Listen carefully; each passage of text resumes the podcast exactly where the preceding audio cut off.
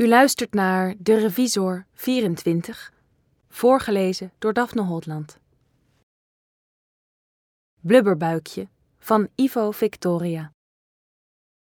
Het is nog vroeg wanneer Louis Stevens de ogen opent en zich moeizaam opricht in het krappe bed waarin zijn vrouw en hij slapen.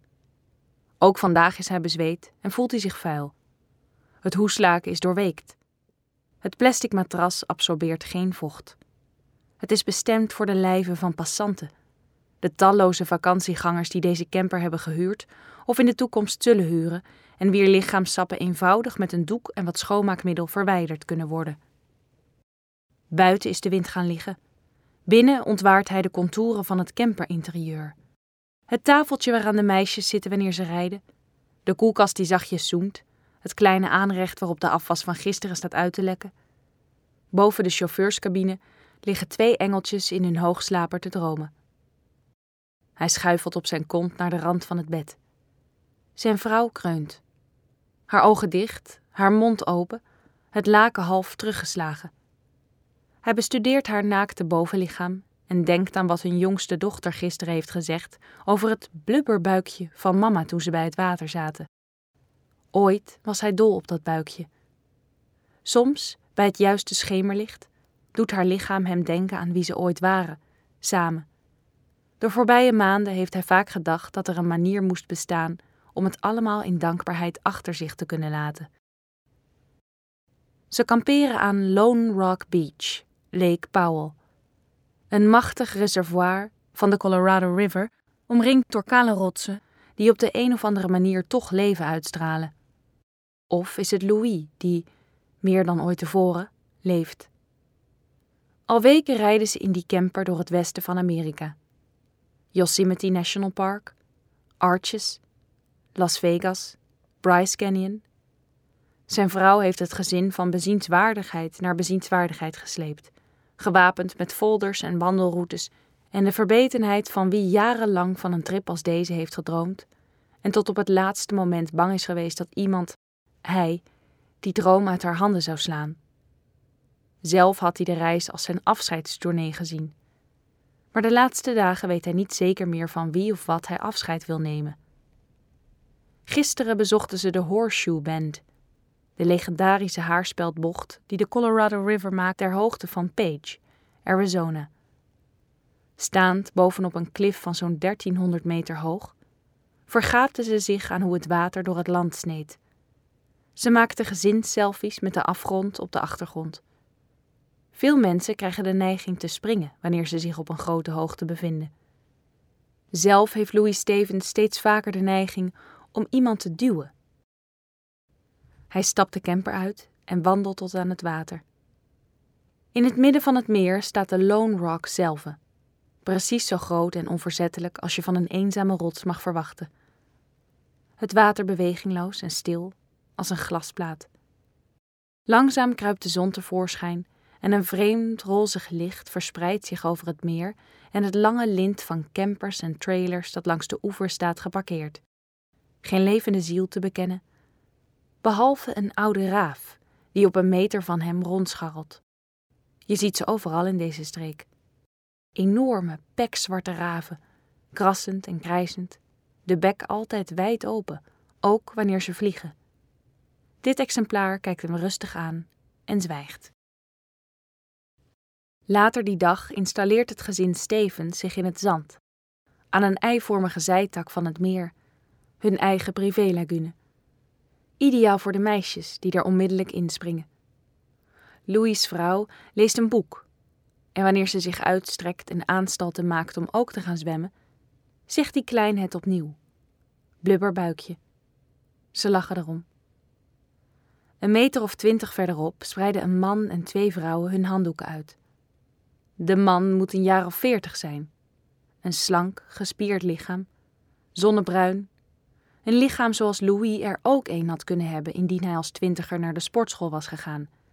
Dat was in die tijd nog niet in de mode. Korte haren, met gel rechtop gezet en paars geverfd. Een hoekige, groene zonnebril. De twee dames die hem vergezellen kunnen geen van beiden veel ouder dan 25 zijn. Klassieke Amerikaanse babes met een curvy lichaam, zoals ze dat in online pornovideo's noemen, en lange haren waarvan ze allebei precies weten hoe ze die op aanlokkelijke wijze dienen op te schudden. Met beide handen woelend ter hoogte van hun nek, waarna ze het hoofd schudden, hun armen de lucht instrekken, hun ruggen hol trekken, hun beelspieren aanspannen en hun borsten steviger en groter lijken dan ze in werkelijkheid zijn. Het duurt niet lang of de donkerharige dame begint allerlei poses aan te nemen, terwijl de blonde haar fotografeert met haar telefoon. Louis heeft het tafereel deze zomer al een aantal keer gezien.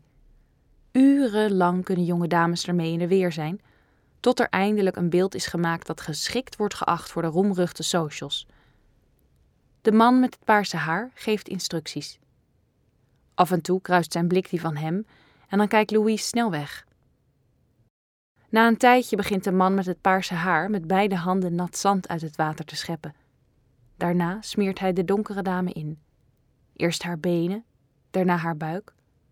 De dame draait zich met de rug naar Louise niets vermoedende spelende dochters in het water toe en maakt haar bikini los.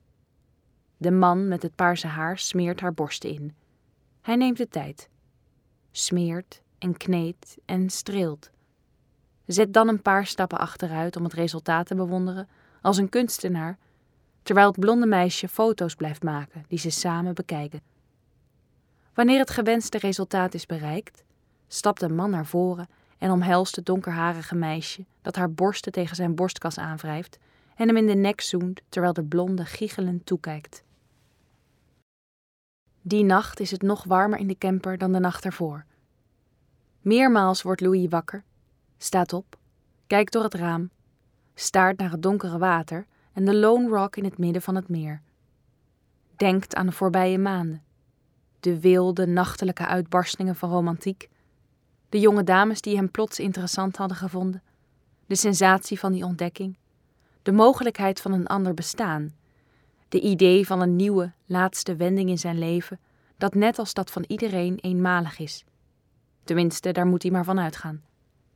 De vernieuwde energie die hij gulzig tot zich had genomen.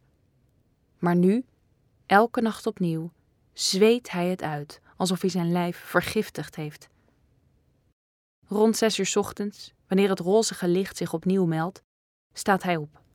Hij heeft zin om te zwemmen, zijn lijf te voelen, zin om zich te wassen en alles te vergeten wat er is gebeurd. Wat ga je doen?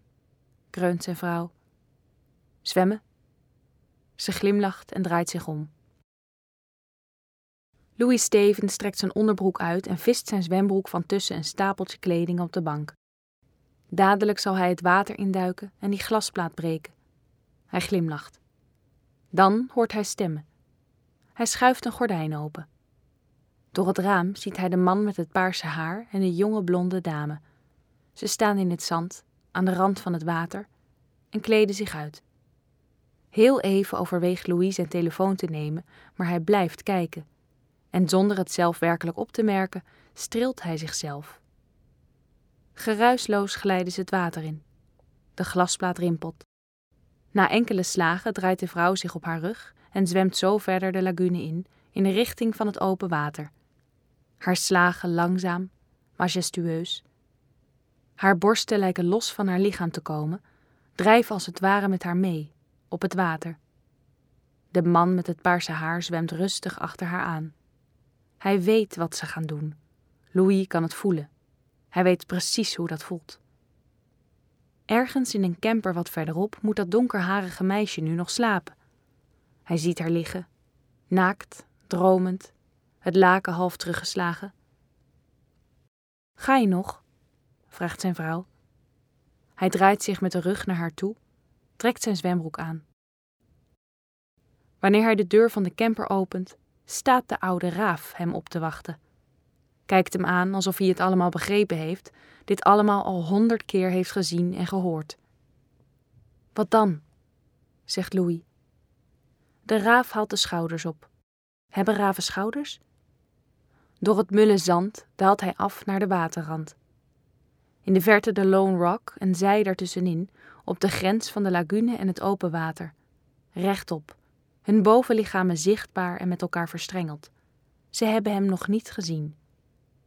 De raaf scharrelt rond bij de camper, kijkt af en toe op, alsof het hem allemaal nauwelijks interesseert. Maar Louis weet dat hij in de gaten wordt gehouden. Altijd is er iemand die hem in de gaten houdt. Meestal is hij het zelf. Hij zet beide voeten naast elkaar. Zijn tenen likken het water. Zwiert zijn armen op en neer langs zijn lichaam. Gaat door de knieën. Duikt. Verdwijnt secondenlang onder het oppervlak. Geniet van de zuiverheid die hem plots omringt. De onschuld van het glasheldere water van een meer. Hij opent de ogen. Blauw. Hij is een kind van de jaren zeventig. Zuiver water bestond niet. Als onschuldig kind zwom hij in de grauwe Noordzee of in de giftige, visloze riviertjes van de Ardennen. Hij is er niet aan gewend om zijn eigen handen te kunnen zien terwijl hij zwemt. Nog steeds niet, ook al is hij nu tientallen jaren ouder. Hij lacht wanneer hij boven komt en de eerste slagen maakt. De koele zuiverte van een meer. Zijn armen, hoe ze die glasplaat breken. Kan dit water hem zuiveren? Een idiote gedachte die hem vervult met onredelijke hoop. Een kreet vanaf de oever. Plots zweeft de oude raaf boven hem. De bek open, krassend en krijzend, alsof hij de hele camping wil wekken, de mensen wil oproepen om dit potsierlijke spektakel te komen bekijken. Niet het naakte koppel, dat nu haastig zijn kant op komt zwemmen, uit een omstrengeling gewekt door zijn plons, maar Louis, die met een triomfantelijke grijns op het gelaat, gebeiteld door het water klieft. Geniet van hoe het zijn lijf omvat, de koelte, de jeugdigheid, zich erover verbaast hoe geurloos het is. De idioot. De raaf krast. Louis sluit de ogen, duikt weer onder, komt weer boven, zwemt en lacht, geniet van hoe hij één wordt met wat hem omringt. De man met het paarse haar heeft een crawlslag ingezet, passeert de blonde jonge dame met snelle slagen, kijkt niet op wanneer hij hem kruist. Louis houdt stil, kijkt hem na. De oude raaf roept, alsof hij hem waarschuwt. Louis kijkt om. De deur van hun camper zwaait open. Hij zwemt verder. De naakte jonge vrouw nadert hem met een rustige schoolslag. Ze lacht hem toe, ongegeneerd, en hij denkt aan haar lichaam, onder het water, dat naakte, curvy lichaam dat hij nooit aan zal raken, waarvan zij niet weet dat hij het heeft gezien. Ze kruisen elkaar. Good morning, zegt de vrouw. Good morning, zegt hij. Hij zwemt verder, de lagune uit, het open water van Lake Powell in. In de verte de eenzame rots, al eeuwen onverzettelijk. Een rots verandert niet. Tenminste, je zou een paar honderd jaar moeten leven om het te kunnen zien, en dan nog. Hij zwemt, hij hoort zijn naam, een bekende stem, draait zich om, trappelt in het water tussen de rots en de oever, waarop hij een gedaante ziet in een rode zomerjurk die hij zelf nog voor haar heeft gekocht. Van een elastische stof, ideaal voor blubberbuikjes, zoals nu blijkt. Ze zwaait en lacht en roept zijn naam. Naast haar, op een meter of twee, scharrelt de oude raaf rond, alsof hij van niks weet. Louise zwaait terug, draait zich om, duikt en verdwijnt in het zuiverste water dat hij ooit heeft gekend. Komt weer boven, ziet de Lone Rock. Denkt, ik zwem er naartoe. Draait zich om, zwaait opnieuw. Ze zwaait terug. Hij zwemt verder, zwaait. Ze zwaait. Zwemt verder, wijst naar de rots, zwaait opnieuw. Ze zwaait terug. De raaf krast en krijst. Hij zegt: Waar zwaaien jullie in godsnaam naar? Elkaar?